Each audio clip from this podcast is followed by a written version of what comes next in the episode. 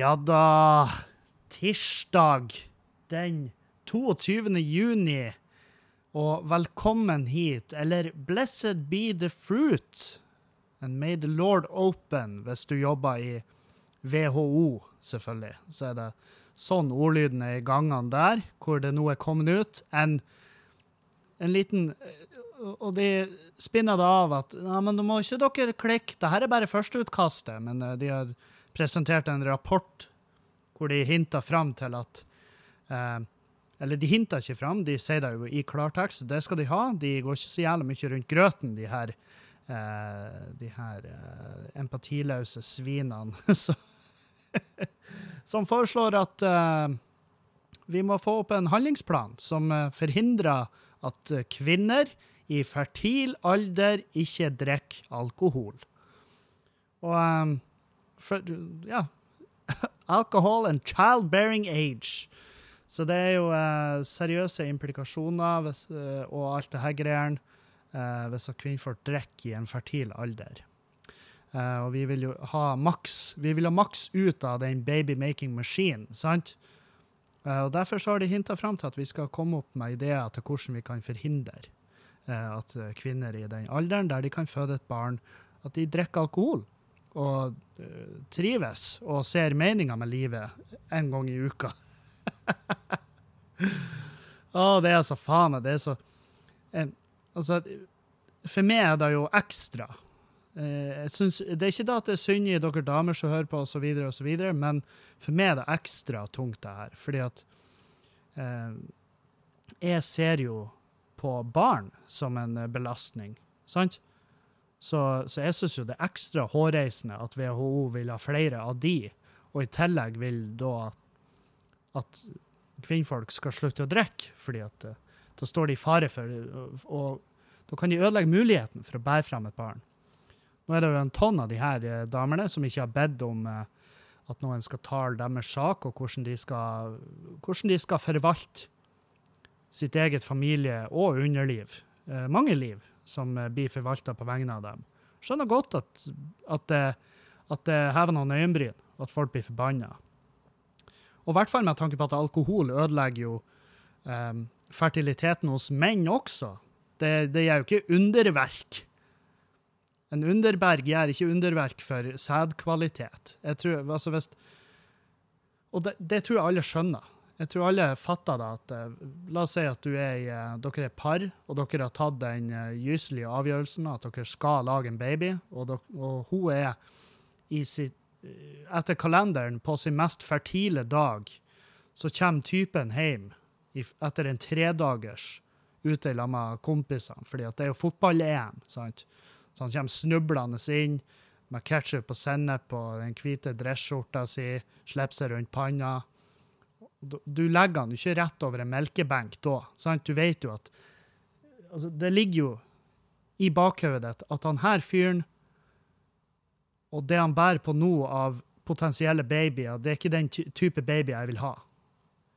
For hvis han nå, hvis det nå legger han på benken og benytter meg av den herrekesamen han sitter inne med, så vil det kunne utvikle seg til å bli det motsatte av det jeg ønsker meg når det kommer til et barn. Det, det vil bli en som automatisk selger strekagensere ut av en tilhenger på torget, sant?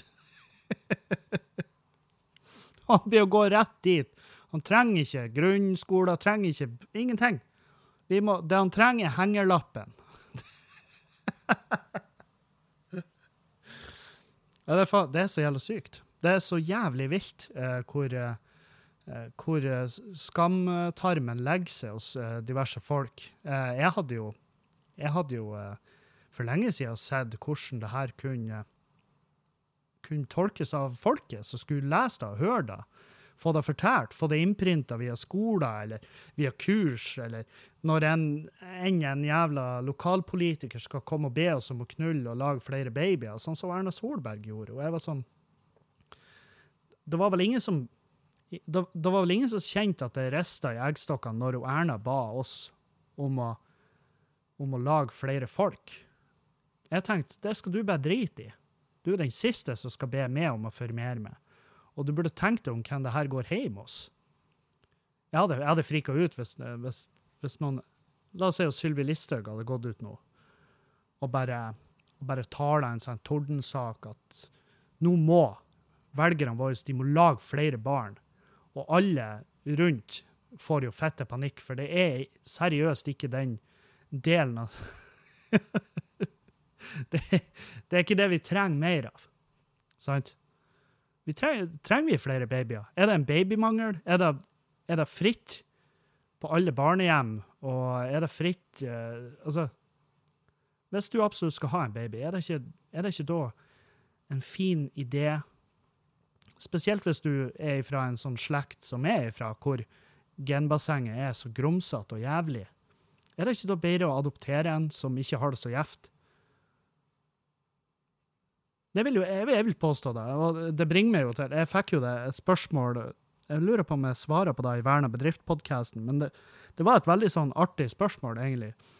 Fordi at man får jo ut, utfordra den uh, de, de, fordommene, og du får utfordra din egen moral. Spørsmålet var vel noe sånn uh, For jeg har jo nevnt at hvis jeg og Julianne noensinne skulle skulle ombestemme oss og allikevel ha lyst på et barn, så uh, har vi allerede gjort oss tanken at ja, men vil ikke en god løsning da være å adoptere? Så heller i stedet for å lage en ny CO2-maskin, uh, heller ta en av de som allerede noen har tatt avgjørelsen og laga, men som ikke har det så jævlig greit, og så heller hus den. Sant? Det tenker jo jeg på som en god løsning. Men da har jo lytteren han har jo stilt seg spørsmålet ja, men vil han Kevin da eh, Hvordan vil den screeningprosessen være? Eh, hvis, fordi da var det sånn, Hvis du finner ut at den ungen dere hadde tenkt å adoptere, skulle vise å ha en sykdom eller et ekstra behov eller sånne ting. Det er jo ikke bare å returnere. sant? Og jeg nekter å tro at det er sånn at hvis du skal adoptere en baby, så får du ei sånn sjekkliste, sånn som når vi ja, sånn som når vi registrerte oss med datingprofil på sukker.no. sant? Um, du kan ikke bare huke av hva du vil ha, og du får vel neppe ei sånn her du får neppe levert med som om du kjøpte en schæferkvalp. Du får ikke med ei stamtavle og, og merittene til, for, eh, til forfedrene. sant? Men selvfølgelig, altså, hvis, hvis, man kan, hvis, man kan, velge når man altså når man lager en baby, så går man jo ut ifra altså Utgangspunktet man har, er jo at det her skal helst bli en frisk baby. Men det er vel veldig få som forviser den, uh, hvis det skulle vise at det er en spesialcase. Selvfølgelig i jeg skulle si oldtidens Kina, men det var kanskje 80-90-tallets Kina, så var jo det helt normalt. Ja, det, det, er noe feil med han her. Vi leverer han tilbake til modig jord. Som er jo forkastelig, selvfølgelig. Men uh, Og det er egentlig ikke noe menn heller. Men jeg husker det spørsmålet der, det fikk meg til å tenke at yes, altså Umiddelbare tanken jeg gjør meg, at det huset her det er ikke egnet for noen som f.eks. blir å ha bruk for en rullestol. Jeg ville jo aldri ha solgt det huset her til ei 75 år gammel dame. Uh, da har jeg tenkt ja, OK, så du skal gjøre stua om til et soverom? Nei, jeg tenkte dere har jo laga et så fint soverom der oppe. Ja, men du blir jo aldri å kunne bruke det, mor. Seriøst. Ta nå no heller og kjøp deg et hus på et plan. Uten dørstokker. Det er da du blir å ha bruk for. Du er full av leddgikt, og den kulen på ryggen din, det er ikke normalt, med mindre du eh, Med mindre du har på deg noe under der, eller at du spiller i Ringeren fra Notre Dame. sant? Så det tenker jeg at hvis, hvis, vi var i en adopsjonsprosess, så hadde jo det huset her vært særlig dårlig egnet hvis, hvis, det hadde vært snakk om et barn med ekstra behov. Og så med tanke på hvordan jeg jobber og Julianne jobber nei, det hadde, vært, det hadde ikke gått. Det hadde vært krise. Så ja, er det umoralsk å tenke sånn? Nei, det er det ikke. Er det umoralsk å be alle alle kvinnfolk fra 15 år og opp til ja, jeg vet ikke når å ikke drikke alkohol, fordi at det kan gå utover deres evne til å bære fram et barn, en liten, mau, en liten arbeidsmaur, til tua vår. Ja, det syns jeg er umoralsk. Det syns jeg er helt horribelt. Det, det er vel egentlig alt som er feil. Og ikke et steg i riktig retning uh, for noe som helst. De må gjerne kjøre så masse kampanjer de bare vil, men jeg kan ikke se for meg i en, altså i hvert fall ikke i min krets, og, eller i min by, eller i mitt land, kanskje. Jeg kan ikke se for meg at det blir å nå fram.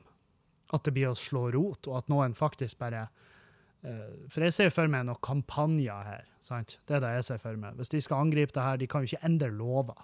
sant?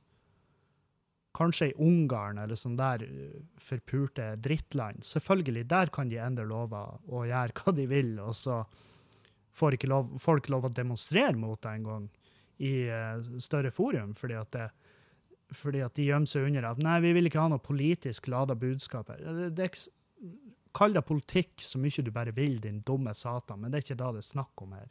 Det er snakk om folk sin kropp, folk sitt liv, hvordan de har lyst til å leve da, og at man skal lovpålegge eh, sånn at vi kan legge føringer for hvordan skal, folk skal leve livet sitt, det, det i seg sjøl syns jeg er ganske horribelt.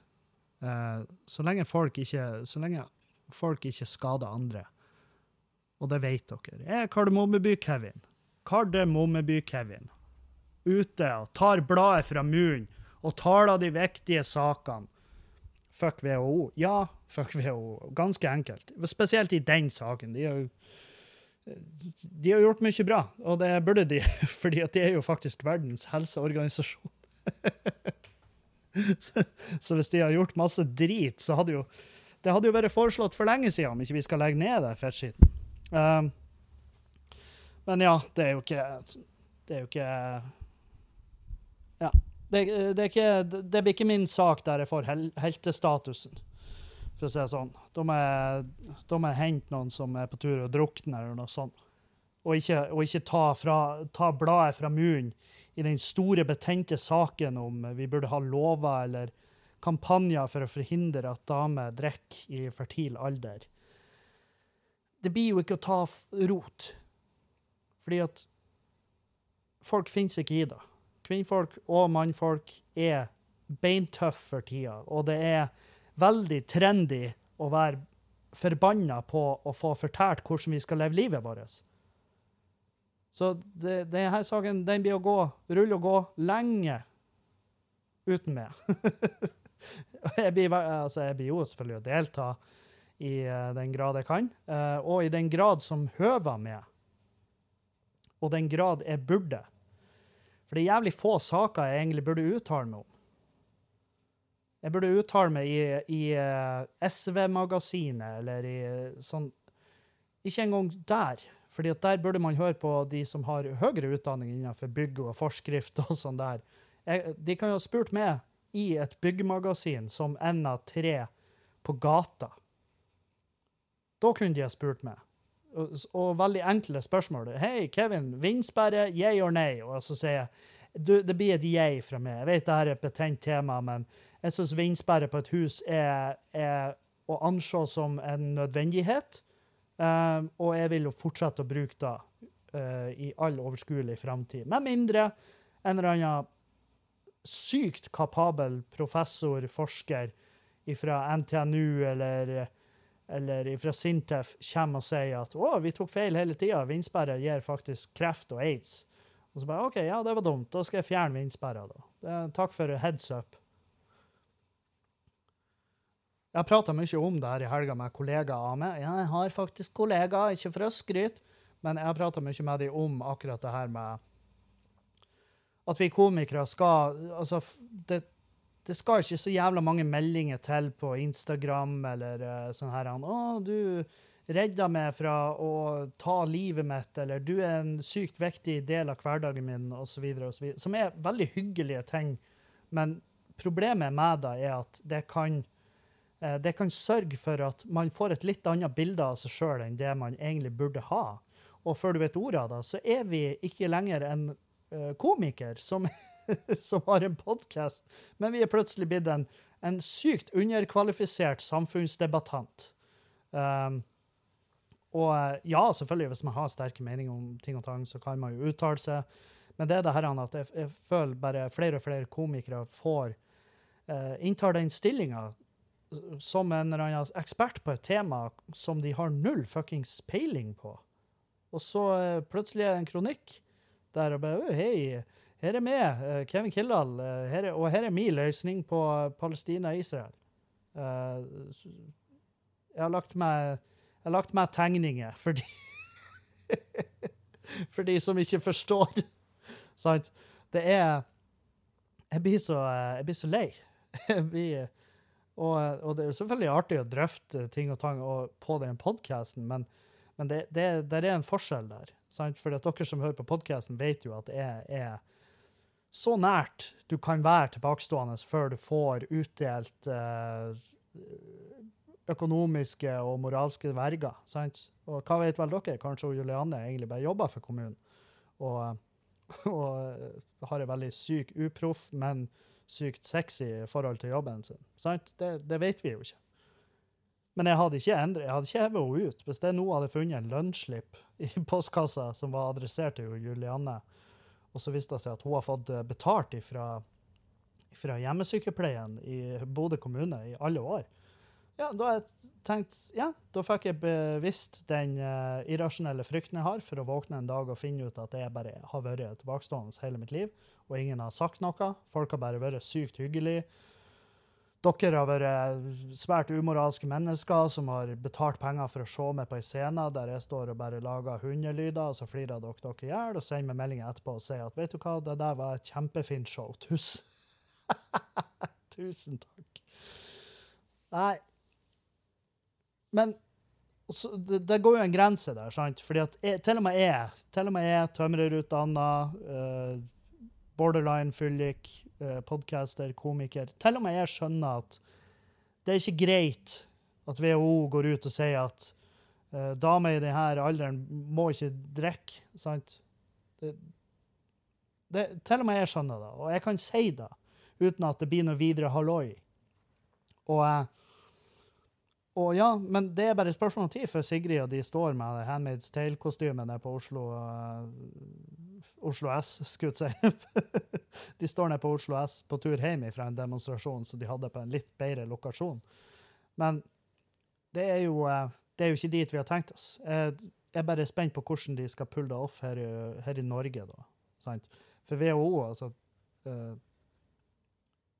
er jo svært. Det omfatter jo alle, unntatt Taiwan. ikke? og, eh, og um, Så hvis de skal pulle det off i Norge, så blir det jo i best fall en reklamekampanje eh, sponsa av de. Eh, men jeg er bare veldig spent på hvordan den blir å se ut.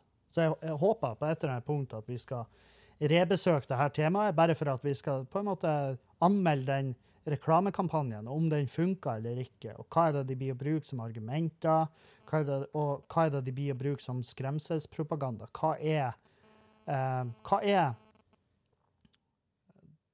det de holder foran oss som et scenario vi ikke vil skal skje? Fordi at vi er ikke på tur å dø ut. Vi kommer til å være så psyko overbefolka om 100 år. Så det er ikke der problemet ligger. Eh, jeg ser jo veldig for meg at f.eks. sånn som Sian, eh, Stopp islamiseringa av Norge, de får vel sikkert litt vann på mølla nå. Og, og, samtidig, når jeg ser de demonstrasjonene deres, det er jo veldig få de som er i fertil alder. Um, men det kan jo hende at alle de medlemmene som er i fertil alder, at de er så jævla opptatt med å produsere flotte ariske barn uh, at de har ikke tid til å være med på demonstrasjoner. mens alle de andre medlemmene i klubben er jo sånn der Ja, men de får det er godkjent fravær, for de er jo faktisk hjemme og gjør akkurat det som trengs nå, og lager norske babyer. Sant? For det det, det, er, det er liksom den Det er jo den ultimate sånn propagandaretning uh, de kan ta når de skal prøve å friste folk til å ikke drikke. Men vil du ha flere folk som ser ut som det, ja, da må du slutte å drikke, og så må du pule. Så Som er jo for så vidt greit, for alkohol er jo drit. Det er jo det jævligste rusmiddelet vi har, og det som skader mest på samfunnet noensinne, og vil bestandig være det som skader mest eh, av samfunnet. Og da mener ikke bare folk, men også infrastruktur, og eh, det skader mest på interiøret på McDonald's etter klokka tolv. Eh, det, det, det er masse ting.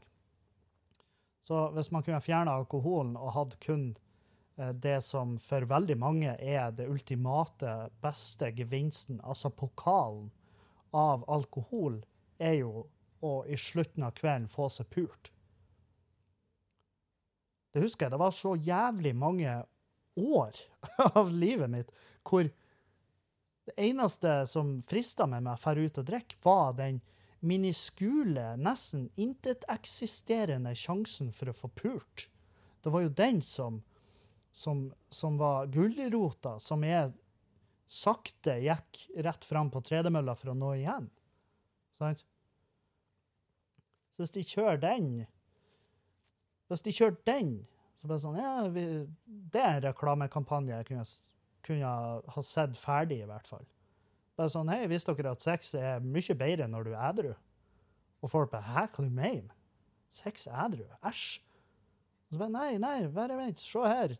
Se for deg at du kan ha sex med, uten problemer med å holde en ereksjon, eller uh, Se for deg at du kan ha sex med noen som blir ferdig.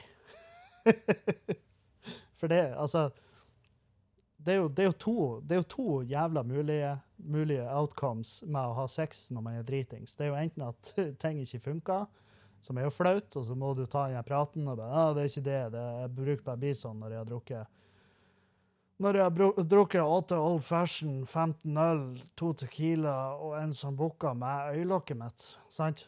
Da er det enten at det kommer ikke opp, det har ingenting med det å gjøre, eh, eller så blir jeg bare aldri ferdig, og det har heller ingenting med det å gjøre. Det er bare sånn det er. Men sex edru er jo mye bedre. Og kanskje det beste er vel sex dagen derpå.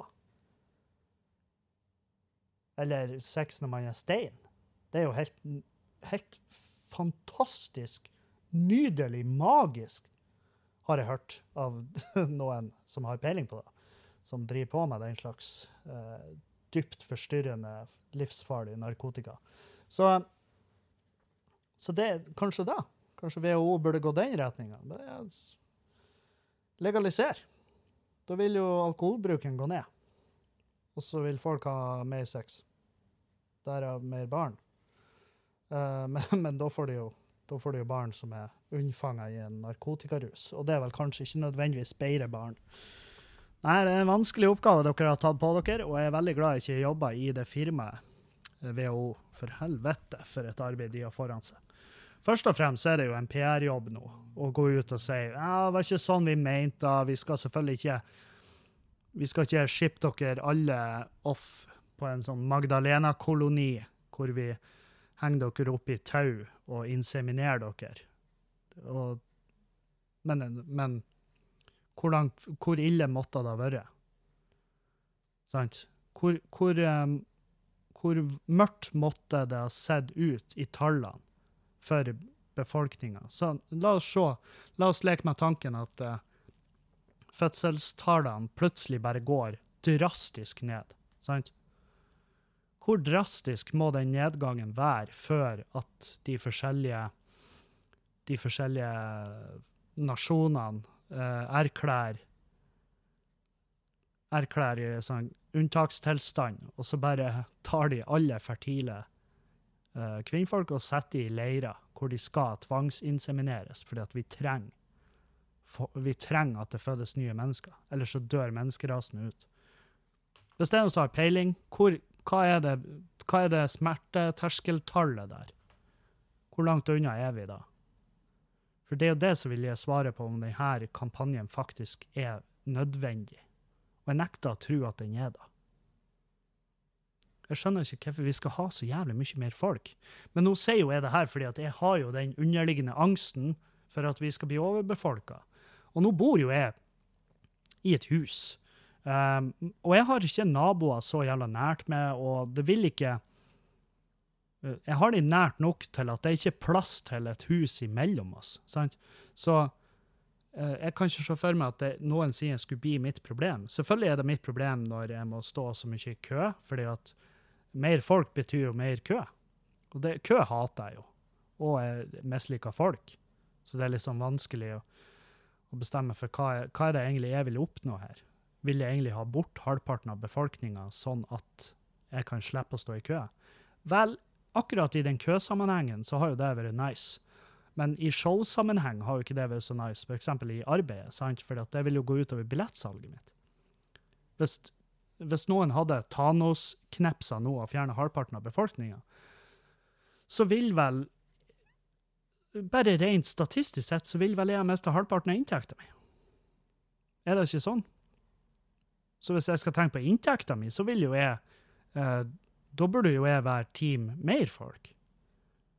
Burde ikke det? Det er mange, ting, det er mange måter å se på det. Men eh, til syvende og sist så, så kommer jeg egentlig fram til at jeg syns det er greit sånn som det er. Men jeg vet jo ikke. Hva vet vel jeg? Kanskje bransjer er på tur og kollapser, og økonomien er på tur til helvete fordi at det fødes for lite folk. Har, jeg har ingen, jeg har ingen jævla kunnskap på det her feltet. Så jeg burde ikke uttale meg. Og derfor skal jeg la være å uttale meg. Jeg skal jo spille igjen mine two cents her i podkasten. Um, men jeg, jeg skriver ikke til VG og sier jeg, jeg har en mening her, og det tror jeg kan få noen klikk, fordi at den er kanskje ansett som en liten brannfakkel, og VG bare 'Å, herregud'. Og han har eh, over 30 000 følgere på Facebook. Det vil si at han, han er gjennom nåløyet for oss. La han, skrive en, eh, la han skrive et innlegg. Eh, og vi merka jo alle her innleggene i starten med at eh, det innlegget gir uttrykk for skribentens mening, ikke vår. Eh, som er jo en veldig fin sånn ansvarsfraskrivelse. Men det de gjør, er at de gir jo scener. De gir jo, de gir jo talerøret til eh, folk som ikke har peiling. For jeg tror jeg kunne Hvis jeg hadde bare veldreid nok skrevet, og med så få skrivefeil som mulig, så skulle jo jeg ha greid å få en eller annen fucked up mening på trykk i VG og Dagbladet, fordi at jeg er vel akkurat kjent nok til at de har hørt om meg, og da tenker de ja, ja, men da, alle lytterne og hans og de Facebook-følgerne, de blir jo å lese den. Uh, så så det, allerede der har vi jo solgt nok betakaroten til å holde denne avisa gående en dag ekstra. Så derfor, får, får jo, derfor gir man jo mikrofonen til folk som er fette idiot, sånn som meg, i stedet for fagfolk som aner hva de snakker om. Sant? Men jeg er lei. Jeg er lei, og, men uh, kan det hende at jeg er lei og er skremt av den trenden at vi skal bli så jævla For det første er det det her med at vi legger uh, masse uh, kunnskapsbyrde på folk som ikke burde ha det. Influensere, komikere. Vi, vi har vår felt, ja. Veldig mange komikere har et fagbrev de kan lene seg på hvis det skulle gå til helvete. Um, men jeg ser veldig få av de komikerne uttale seg innenfor sitt fagfelt. Og hvis de gjør det, så sier jeg ja, supert, det er ypperlig. I hvert fall hvis du holder den fagkunnskapen ved like. Men når, men når eh, komikere som ikke har noe jævla bakgrunn for å uttale seg om de tingene de uttaler seg om, uh, uttaler seg der, så blir jeg litt sånn Å, faen. Har du, har du glemt av hva vi gjør? Har du glemt av at vi har ligget på hver vår sofa i en garasje og spydd i Ulsteinvik eh, dag to på en hjemmelaga festival? For det, er der, for det er de menneskene vi er. Vi er ikke de menneskene som skal ut og uttale oss, fordi vi har ikke peiling. Hvorfor snakker vi om det her? Når vi ikke har peiling? Det er kjemperart.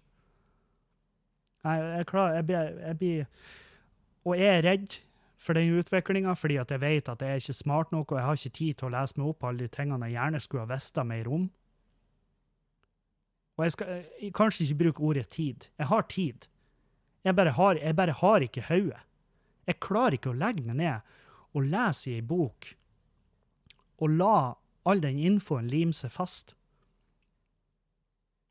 Og hva er grunnen til det? Nei, Er det fordi at det er manglende interesse der? Er det bare at jeg har dårlig Altså, jeg har ikke god nok læreevne? Og er det da at jeg er livredd for at denne trenden kan ende opp med at jeg må jobbe hardere? for gud bedre hvor sliten jeg er nå. Helvete! Dere aner ikke hvor sliten jeg er. For ei For ei helg. For ei uke. Det blir vel, det blir vel mye riktigere å, å si da.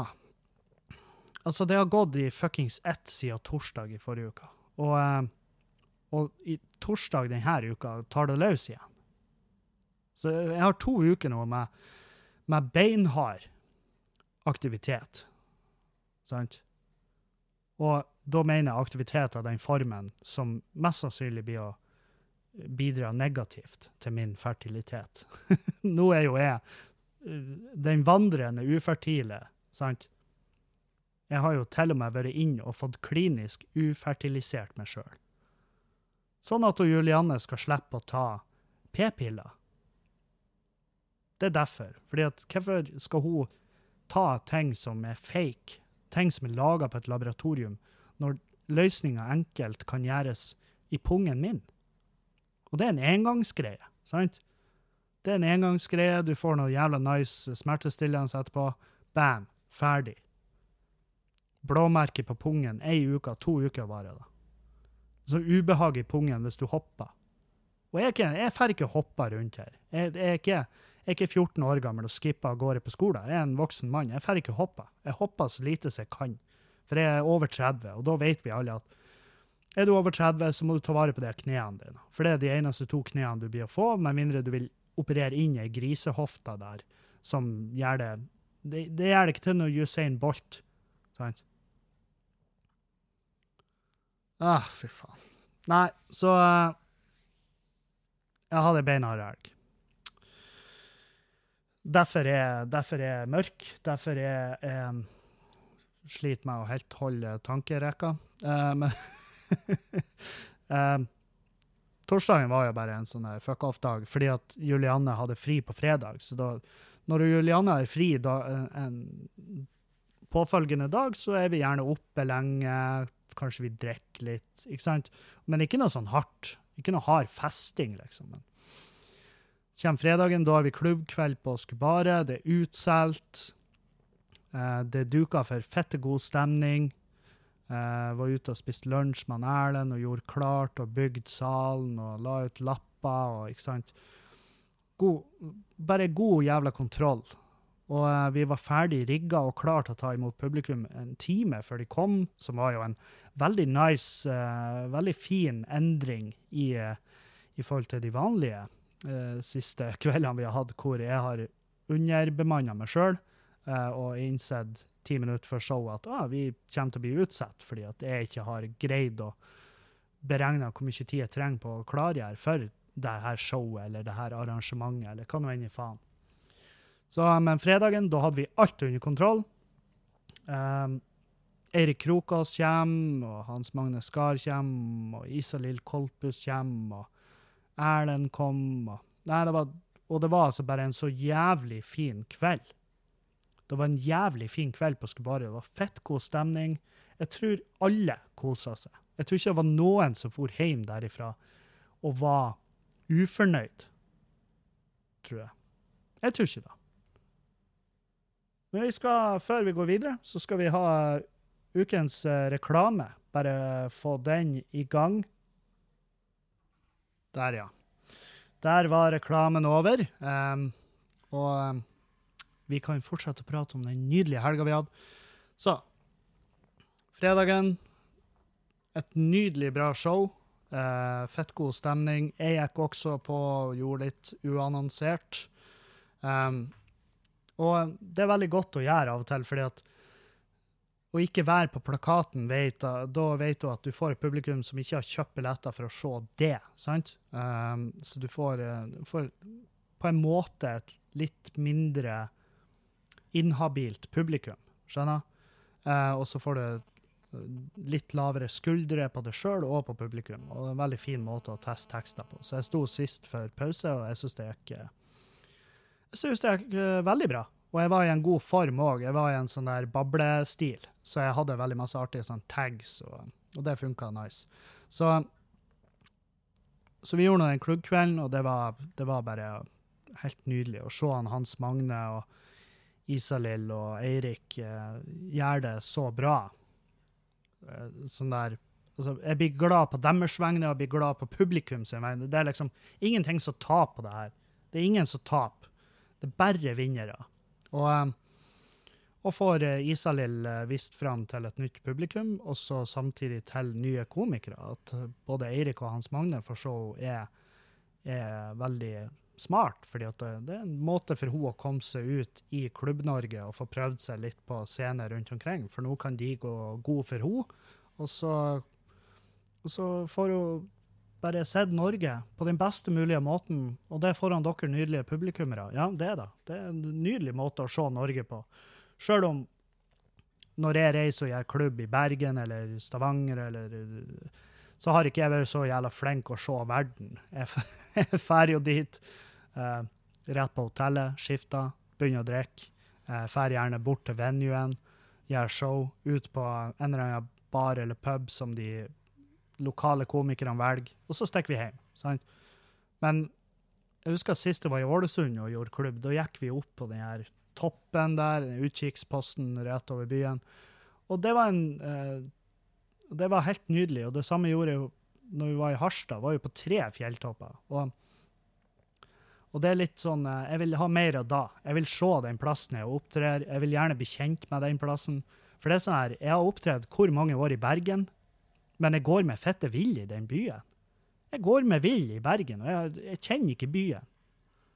Så jeg må ha mer av da, men jeg, jeg tror ikke jeg skal jeg tror ikke jeg skal gå løs på den Stoltsen nødvendigvis, for den var så faen meg så fette hard.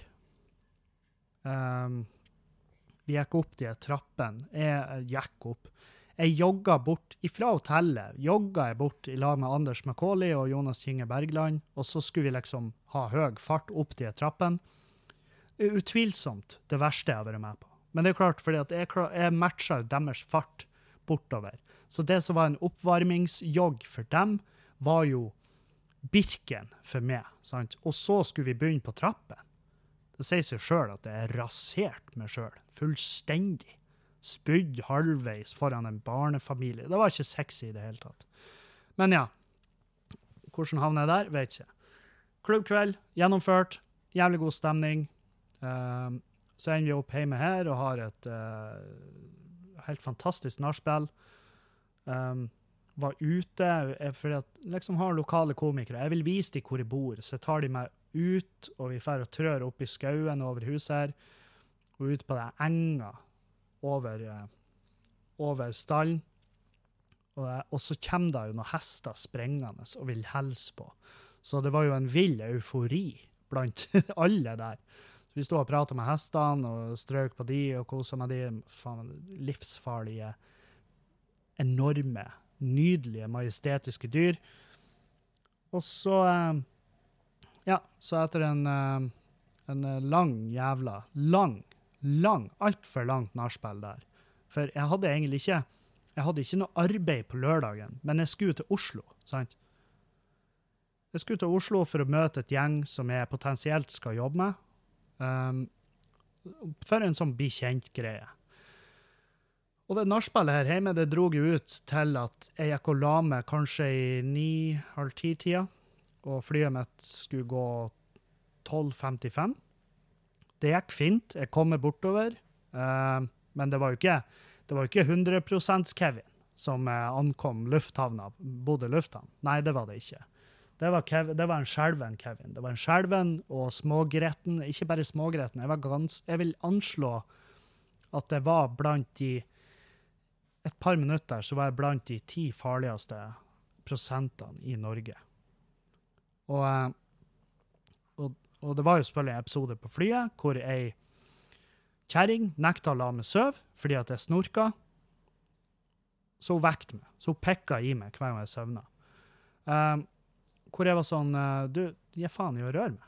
Og hun bare Ja, men du må slutte å snorke. Så er det ikke et valg jeg tar. Det er ikke et aktivt Jeg går ikke Jeg setter meg ikke ned her og tenker faen hva jeg skal snorke nå. Nei, jeg prøver. Jeg, og jeg, det gjør jeg faktisk. Når jeg legger meg på et fly for å sove, så prøver jeg å innta en sånn stilling som vil forhåpentligvis um, resultere i minst mulig snorking. Men det, det kan skje. Og da er det heller bare filme. Filme, sitte og flire av meg. Jeg gjør nå faen. Men ikke vekk meg. Og det gjorde hun fire ganger. Fire ganger vekket hun meg før jeg da trua meg at hvis du rører meg en gang til, så knekker håndleddet ditt. Eh, og jeg tror jeg sa det i akkurat den tonen jeg gjør nå. Uh, hvis du rører meg en gang til, så knekker jeg håndleddet ditt. Uh, og jeg vil bare ha fram at jeg hadde neppe kommet til å knekke håndleddet hennes. Men der og da føltes det virkelig som at det skal jeg faen meg gjøre. Og det er sånn jeg blir hvis at det hvis at du driver på å vekke meg. Hvis du kjører sånn russisk sleep deprivation-program på meg, så kommer jeg til å bli aggressiv. Og så dupper jeg av igjen, og da ble jeg vekket en gang til. Og da ble jeg vekket av ei flyvertinne som ikke sant, fortalte meg at uh, du kan ikke si sånn, da snur vi flyet. Og jeg var sånn, ja, men la meg nå bare sove. Og jeg, da var jeg på gråten. Da var jeg sånn uh, Da følte jeg meg som han uh, Mauritanian, altså den filmen der, han der fyren i Guantánamo Bay. Han bare jeg får ikke lov å sove. Og jeg var bare Jeg, jeg ble lei meg for at alle drev på vekt meg, og, og ikke kunne la meg bare være i fred. Uh, men etter da så fikk jeg være i fred. De siste 20 minuttene av flyturen, som uh, kom veldig godt med. Uh, så tok jeg flytoget innover til Oslo S. Der fikk jeg sove i fred. Takk til alle. Takk til alle på flytoget. Og da var det rett opp på rommet med tingene, og så var det ut i middagen. Så skjønner jeg jo at det var jævlig lite søvn. Eh, jeg, hadde, jeg hadde nekta meg sjøl søvn for fest og moro. Og det, og det er sånn, det er ikke synd i meg da. Det er ikke synd i meg, eh, men jeg bare prøver å forklare hvorfor, eh, hvorfor denne tirsdagen er blå. Så vi drar ut i middagen og møter her gjengen som jeg skal jobbe med. og jeg, jeg vet ikke hvor mye jeg kan fortelle om det prosjektet, men det, det kan potensielt bli bra. Og det er en podkast i første omgang, men det skal være mulig å, å uh, lage et TV-program av det. Så vet dere det. Og så, uh, på lørdagen da når vi var ute, så var det jo et helt jævla gjeng. Og eh, jeg inviterte meg en Dag Sørås ut, og han kom. Um, så var det, det jeg ikke tenkte over, var at jeg var jo ute i lag med et svært gjeng med narvikværinger. Og Dag er jo opprinnelig fra Narvik. Um, og hadde jeg tenkt meg om, så hadde jo jeg visst at det her kanskje er en dårlig miks. Fordi at han Ja, de er fra Narvik, og han Dag er jo derifra. Og det, han er jo å anse som kanskje Narviks eh, største stjerne. Jeg vet ikke hvem andre. Sofie Elise er kanskje fra Narvik. Men uansett. Um, han er veldig godt kjent der. Så det var jo alle de der karene skulle jo prate med han. Og det var veldig masse sånn her Kjenner du han eh, Terje eh, noe? Ikke sant? Og, han da bare Ja, jeg vet hvem det er. Ja ja, han eh, bor jo rett nedfor meg. OK, ja, fett. Sant, det, det var flere timer med det der. Og masse, mye, masse, masse drikker, så det gikk jo ikke så lang tid før han Dag bare forsvant. Og folk bare sånn Ja, Dag han er lenge på do, sier han. Dag er hjemme nå. Dag ligger hjemme og flirer over den tanken at dere faktisk tror at han blir å komme tilbake. Um, for jeg er veldig vant til den ghostinga til en Dag, og jeg har lært meg også å legge merke til når han gjør det, så jeg begynner å kjenne et mønster. Uh, og en, en måte å se at han er på tur å ghost, det er at han sitter med hendene i lomma. For da er, det han gjør, da, det er at han tar varetelling, som om han vet alt, at han har med seg alt han er og har. Eh, men jeg har også sett han legge igjen jakka for å slippe spørsmålet. Uh, litt sånn der. Det, men det er jo på Riks på Bergen, for da kan han komme dagen etter og hente jakken. Det er null stress. Men han ghosta nå, og jeg forsto han. Uh, jeg for også på hotellet når det ble spørsmål om det var nach. Jeg bare Du, jeg har Den søvnkontoen min er overtrukket med 67 500 kroner, så jeg må gå og legge meg. Um, og jeg tror jeg søvna lenge før jeg traff senga, for jeg har klær på meg da jeg våkna. Første runden. Så um, Og det her er jo da Og nå er vi på søndag. Og på søndag skulle vi spille inn den prøvepiloten til denne podkasten. Uh, så jeg sto nå opp, ganske tidlig på søndagen, gikk og spiste i frokosten, og så gikk jeg og la meg igjen. Og så sto jeg opp til at vi skulle spille inn det her, og så får vi og gjorde det på eh, Monday-huset, altså Monday Media, som er jo eieren av Feelgood eh, og Feelgood Feel Ice Stage og Feelgood TV og film. Altså det er, det er et enormt paraply. eh, det er et kollektiv av diverse firmaer der. Men det er i hvert fall et svært hus, som også visstnok er i samme bygg som PST. Så det er veldig greit. Um, og der var vi vel i en tre-fire timer og spilla inn. Vi hadde heldigvis noe rosévin, eh, som eh, Jeg vet faen hvor vi fikk tak i den, men hun produsenten me- mekka rosévin til oss, så vi kunne er, er reparert mens vi spilla inn den. Og ja, når vi var ferdig, så følte jeg at det, det her er mye bra. Det er mye av det her som kan brukes. Så, vi, så jeg gleder meg til å høre det ferdige resultatet, og så gleder jeg meg til å se om det vil vekke noe, noe interesse for de plassene der vi skal pitche. da. Um, men etter da så var det jo eh, Da var det jo å hooke opp med Dag, Hans Magne, Eirik, uh, Lars Berrum uh, på uh, Internasjonalen. Og jeg for først på Peoples for å spise, fordi at jeg var så fette sulten. Uh, og så bort dit for å drikke, og så skulle vi opp på Blå. Um, for der har Jonis uh, satt i gang noe show. Og, og så sa jeg jeg skal bare på det siste showet der. Jeg har ikke fått med meg når siste showet starta. Det starta tydeligvis klokka sju eh, på en søndag. Det er siste showet. Så vi kom jo for seint. Vi kom altfor seint. Men når vi da kom dit, så var vi jo godt i laget. Eirik og Hans Magne hadde forlatt, og det var så det, var, det tyntes i Og Lars hadde òg stukket, så det tyntes veldig i, eh, i den flokken vår. Eh, men, eh, men det var grei stemning. Vi, vi rakk vel kanskje ett minutt av standupen, og så rakk vi etter etterdønningene. Og det var jo Det var mye fagprat. Og jeg var sånn Ja, for det var, var noe Liksom møte litt med folk som kan hjelpe meg med booking og, og sånn her, og det er jo veldig bra. Men det var mye fagprat, og jeg var for dritings til da, og Dag òg var heller ikke edru, så han stakk igjen.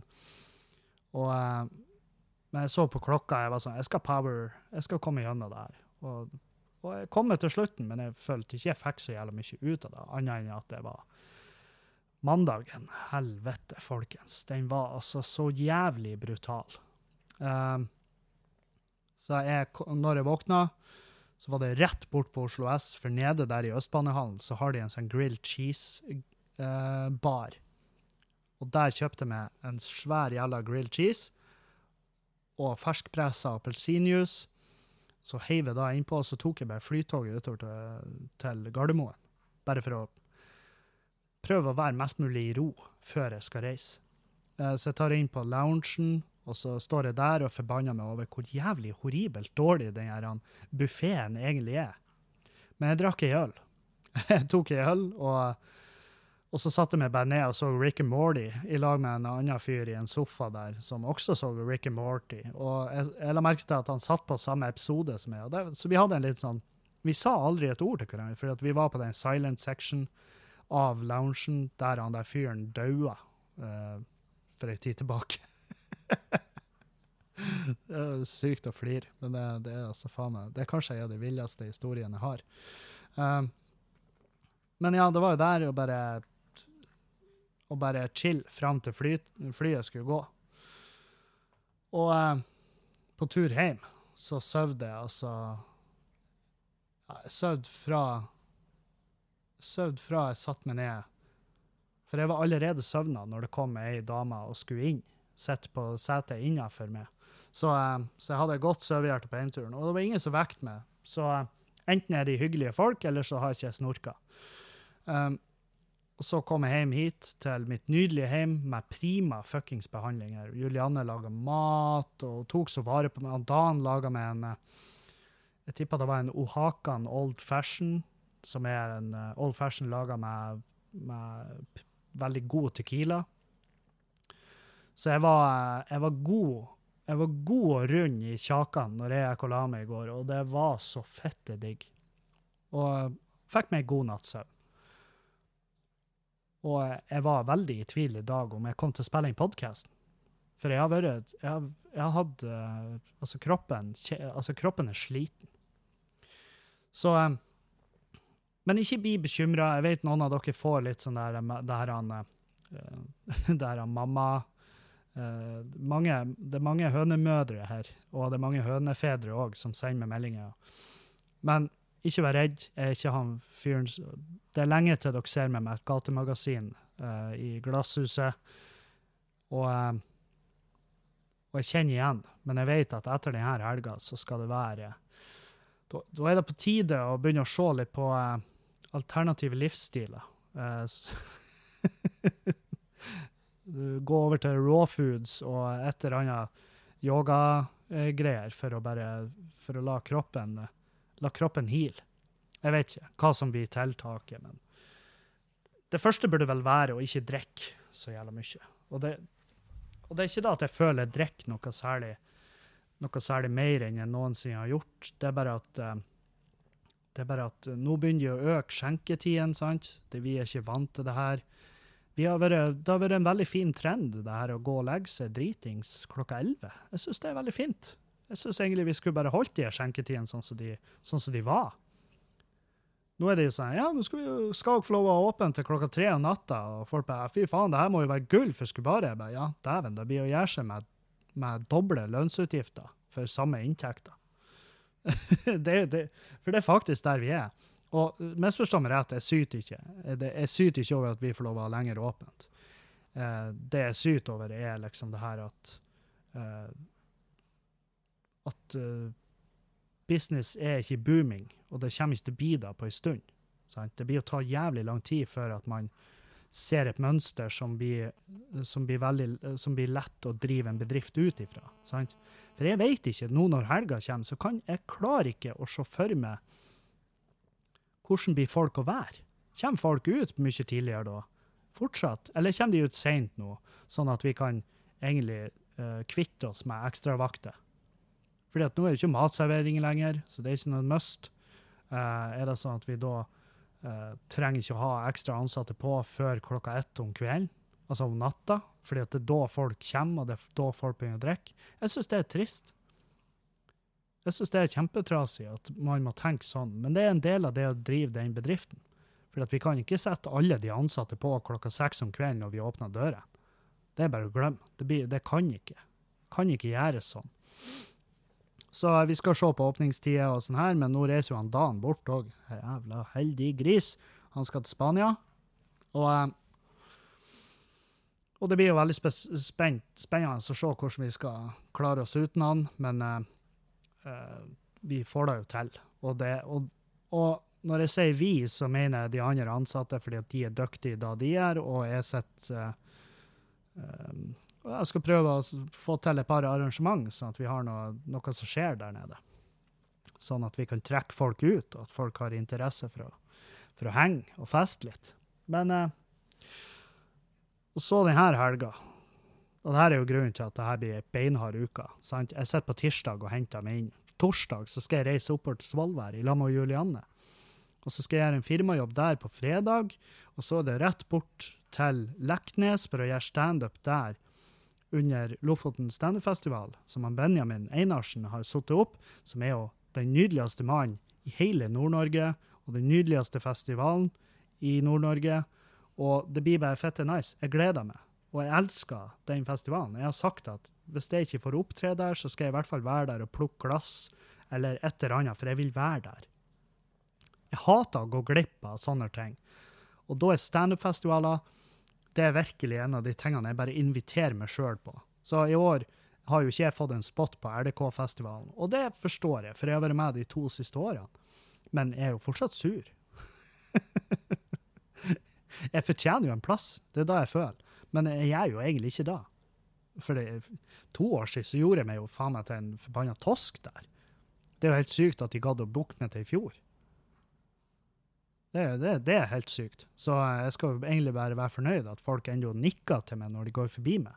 Men som han Dag sier, når han skal beskrive hvor bra personene Hans Magne er, så bruker han jo meg som et eksempel, gjerne. Eh, han kan forstå at folk hater meg. Men hvis du misliker Hans Magne, så er det jo noe oppriktig feil med det. Og det er en veldig fin måte å si det på, fordi jeg vet at det gjør meg ikke bare venner der ute. Um, så ja, jeg skal være veldig takknemlig for at jeg er der jeg er, og ikke, og ikke en dårligere plass. For det, det er tidvis bare lotto. Så um, Men eh, det blir, jeg, jeg gleder meg. Det blir godt å komme til Lofoten. og eh, Samtidig så, så har han booka et sånn gjeng at jeg tror ikke det blir så jævlig utagerende denne helga. Jeg tror det blir jeg tror det blir eh, jeg tror det skal gå greit å holde seg til en viss grad i tøylene, og ikke ta den for, for, hardt ut. For det er sånn det, det tror jeg ikke jeg har i meg heller. Jeg ser veldig for meg at det blir et sånn whiskyhumør når jeg drar oppover, hvor jeg vil bare sitte litt i ro og ta et glass med god whisky og prate om eh, veldig, veldig avanserte ting som jeg ikke har peiling på. Sånn som her for et par helger siden på Skubba, så satt han folk utafor og diskuterte eh, tid, relativitetsteori, eh, hvor jeg heiv meg på. Fordi at uh, jeg har sett Interstellar.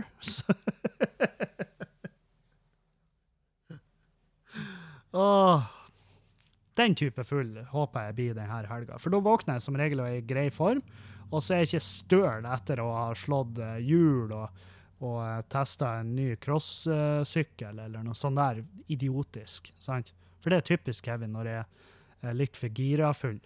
Det at jeg skal ja, nå, det her skal jeg leve livet og prøve nye ting. Og det er ikke jeg klar for. Jeg er klar for å egentlig ta ei helg på sofaen. Så det skal jeg gjøre så snart jeg kan. Så da vet dere da. Da har dere fått en liten, en liten, en liten der. Eh, høyst reflektert eh, refleksjon rundt om rundt om eh, det her med fertilitet. Hvor viktig er det? Ja, det er jo viktig. Hvis målet ditt er å få barn, ja, da kanskje du ikke skal drikke fra du er 15 år til du er 44 da. Hæ? Hva har du tenkt over da, kjære lille venn? Helvete òg, altså. Det er faen meg helt horribelt. Så det har jeg prata om. Jeg prata om eh, voldstrusler på fly, og hvordan det kan til syvende og sist føre til at noen snur det flyet. Men eh, jeg, lurer på om de hadde litt velvilje til meg. Altså at de jeg, jeg tror de tenkte at faen, han der fyren Altså, jeg så han når han kom om bord, og det der patetiske mennesket der blir ikke å gjøre skade på noen andre enn seg sjøl. Det er da jeg tror. Jeg tror de så meg som en ynkelig liten sånn der Jeg tror de så på meg som ei skilpadde uten skall, når jeg kom krypende som bor i flyet og bare så meg rundt og laga bare sånne lyder. Bare Sant? De tenker på herregud, for en, for en patetisk og skjør skapning. Og så i neste setning sier jeg at jeg skal knekke et håndledd, og de bare Du blir ikke å knekke noe annet enn din egen syke, lille venn. Ta nå du og lukk igjen øynene. Slutt å snorke. Å, herre fred. Ja, nei, så dere så dere forstår at her skal det lades batteri, og så skal det klippes plen. For det er på høy tid, og det blir ikke gjort hvis ikke jeg gjør det. Så jeg skal hute meg ut og klippe plen, uh, og så skal vi sette i gang med noe matlaging. Fra Adams matkasse til hun Julianne kommer hjem fra jobb. Og det er jo det jeg gleder meg mest til. fordi at jeg er ikke vant til å være borte fra henne. Og det å ha vært borte fra henne siden lørdagen til liksom i går kveld, det var for mye. Jeg, jeg hadde eh, skikkelig separasjonsangst. Det var som en liten schæferkvalp. Så det var deilig å, å, å, å komme hjem igjen. Og jeg hoppa rett på henne vi sussa og kosa og sa at vi var glad i hverandre, og da var verden fin igjen. Så det kan høres uh, kjipt ut og alt det her, men sånn, sånn var det faktisk. Um, på tampen så har jeg fått et spørsmål fra en lytter som jeg syns er uh, ja, på sin plass. Uh, og det er en lytter da som Ja, jeg ja, jeg, ikke, jeg, gidder ikke å finne fram, men, eh, for jeg kan huske hva spørsmålet gikk ut på. Spørsmålet var noe sånn som at um, hvorfor jeg ikke deltar på et uh, større vis i pride. Um, og hvorfor ikke jeg prøver Og det sto noe også om der om at jeg burde gjøre mer ut Altså prate mer om det at jeg er biseksuell på, liksom på scener og sånn her, fordi at det er, mul det er bra for uh, billettsalget mitt. Og jeg skjønner jo hvor han vil, at jeg, at jeg unlocker liksom det skeive publikum. Men eh, det kan jeg si med en gang, at, eh, at jeg har ikke noe behov for å unlocke noe jævla skeivt publikum, fordi at jeg har ikke lyst til at det skal bli en greie. Sant? Jeg har ikke lyst til at jeg skal eh, ja, Hvordan kan jeg si det her uten å trø på 10 000 tær, men jeg bare syns det er jævlig kleint hvis det nå skulle Nå, på det her punktet i karrieren, skulle begynne å gjøre noe stor greie ut av at jeg uh, uh, sug kuka, Sant? Det burde ikke jeg, jeg bare vil ikke være han fyren, skjønner? Som bare Hei, by the way, sug kuka, kjøp billetter. Sant? Det, det, det er en veldig rar eh, Jeg syns det virker veldig det virker veldig kynisk, og det virker veldig flaut, og det virker veldig uekte. Så jeg gidder ikke, jeg gidder ikke å gjøre noe større greie ut av det. De som vet det, de vet det. Og uh, det trenger ikke å være noe mer enn det. sant? Uh, og, jeg, og, jeg, tror ikke jeg gjør det. Jeg tror ikke jeg er den personen som gjør det lettere for noen å takle å komme ut og skape. Jeg er heller ikke en av de personene som har opplevd noen form, altså faktisk ingen form for uh, trakassering eller urettferdig behandling på bakgrunn av min eh, legning. Jeg har liksom blitt kalla grådig fordi at jeg benytter meg av begge leirene av fertile unge folk. Ja, men det tar jeg. Kanskje jeg er grådig. Um, og så er det det er virkelig ikke en så jævla på en måte definerende uh, på en måte del av meg. Så uh, derfor jeg synes det blir veldig rart å skal gjøre det sånn. Uh, hvorfor jeg ikke deltar på pride? Um, fordi at hvis du spør meg nå Hvis du ber meg nå om å fortelle deg hva pride er, så uh, vil jeg nok ikke kunne gi faktisk et utfyllende svar. Fordi at jeg har jeg har, har, jeg har bestandig hatt lyst til å dra på en sånn pride-marsj eller festival. For jeg har, jeg en veldig god venninne fra Mo i Rana som er med og arrangerer. Og jeg ser på snappene hennes fra der, de festene ser jo pissartig ut. Og det ser artig ut, jeg har lyst til å være med. Um, men jeg er ikke egnet til å være en fanebærer for noe som helst sak. Uh, fordi at jeg har, det er veldig få saker jeg har sittet meg så hardt inni. Og nå er det ikke da, jeg holder ikke muligheten åpen for at jeg skal være anti-pride. Det tror ikke jeg at det er, uansett hva som skjer. Um, for meg, hvis det, hvis det er da det handler om, hvis det er på ekte da det handler om at folk skal få lov å elske hvem faen de vil, og at det burde ikke egentlig være noe politikk innblanda i uh, hvem folk uh, blir glad i. Det burde ikke ha noe med politikk å gjøre. Så, um, så ja, jeg er selvfølgelig for frihet for alle, og at de skal få lov å tro og knulle hva faen de vil, så lenge det er gjensidig og alle har takka ja. Gjerne via en app, så du signerer med bank-ID. Hva vet vel jeg. Uh, nei, så jeg, kanskje jeg skal prøve å sette meg litt inn i det. Uh, kanskje jeg skal da prøve å se om jeg har tid til å fære. Det er det fine med pride. det at det virker som at, for meg at det arrangeres uh, litt forskjellig her og der. Så du kan jo basically ha en hel jævla måned. Det er vel pride-måned, sant? Så det er litt forskjellig når byene arrangerer marsjene og det her. Um, og ja, absolutt. Uh, kunne jeg lett ha tenkt meg å uh, fære. Uh, om jeg har tenkt å kle meg ut. Du trenger ikke å kle deg ut. Du kan gå sånn som du er. Og du kan jo også være flamboyant og helt fantastisk, uh, full av farge og fjær og puppene hengende ute og mens du spiller på tromme. Hvis det, hvis er, hvis det er din greie. Jeg ikke å gjøre det, fordi det ser kaldt ut. Jeg kan ikke spille tromme. Og jeg egner meg ikke naken. Jeg, jeg gjør jo La oss være ærlige. Det, det, her er ikke, det, her er ikke en, det er ikke engang en dadbad. Det er en enda litt for stor kropp til at jeg gidder å fære og hive rundt på den. For jeg syns ikke den er så jævla nice. Og det, ja, ja, det er kjipt å ha et sånn sjølbilde, men det er fordi at jeg ser jo at jeg sjøl er overvektig. Og jeg vil ikke være det. så det har ikke noe med sjølhat å gjøre. Det har noe med at jeg, at jeg etterlyser en bedre fysikk og en bedre helse hos meg sjøl. Og det, så enkelt kan det sies. Så ja, eh, det har ikke noe med at jeg hiver noen under bussen, eller noe sånt. det er bare at jeg, jeg prøver å være litt forsiktig. eh, for det er så jævla typisk med å, å få bunntenning, og så plutselig er jeg liksom generalsekretær i en klubb som jeg ikke aner hva er. Og så eh, og så, eh, og så sier jeg dumme ting, fordi at jeg har ikke lest meg nok opp. sant? Og det prøver jeg å unngå, for det er jævlig flaut når du blir tatt for det det er ingenting som er flauere. Det, det er flaut å bli tatt i å lyge, det er flaut å bli tatt i å stjele. Eh, men det aller flaueste er å bli tatt i å være kunnskapsløs. Det syns jeg er helt horribelt. Fordi at, eh, eh, fordi at all kunnskapen ligger jo ute der. Det er jo bare at når du viser at du er kunnskapsløs, så har, det eneste du sier da, er at jeg er for lat til å faktisk ta til meg den infoen jeg trenger for å uttale meg, egentlig. Så det er vel da jeg prøver å unngå. Og på den noten, den lystige lille, lille avslutninga der, så takker jeg for meg, og så får dere ha ei en fin uke videre, og så høres vi igjen på Patrion i morgen med Verna bedrift. Ha en flott dag. Adjø, adjø, og auf Wiedersehen!